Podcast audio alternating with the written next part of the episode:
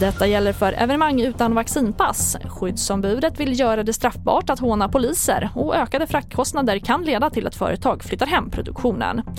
Ja, här är TV4-nyheterna och nu har Folkhälsomyndigheten tagit fram förslag på vilka regler som ska gälla för att få genomföra allmänna sammankomster och offentliga tillställningar med över 100 deltagare utan vaccinpass.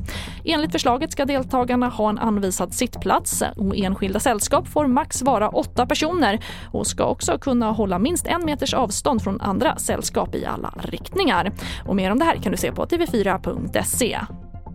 Och det borde bli straffbart att håna eller trakassera poliser och andra myndighetspersoner. Det tycker polisens nationella huvudskyddsombud och det skriver man på DN Debatt idag.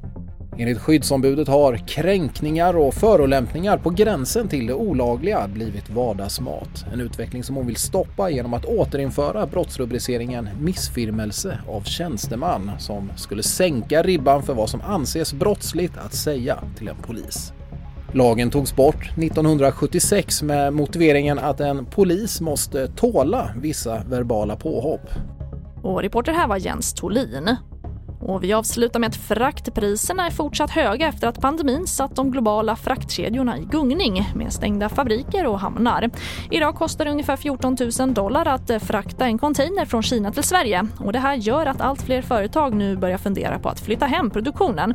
Som Joakim Helins företag som importerar schampo från Kina.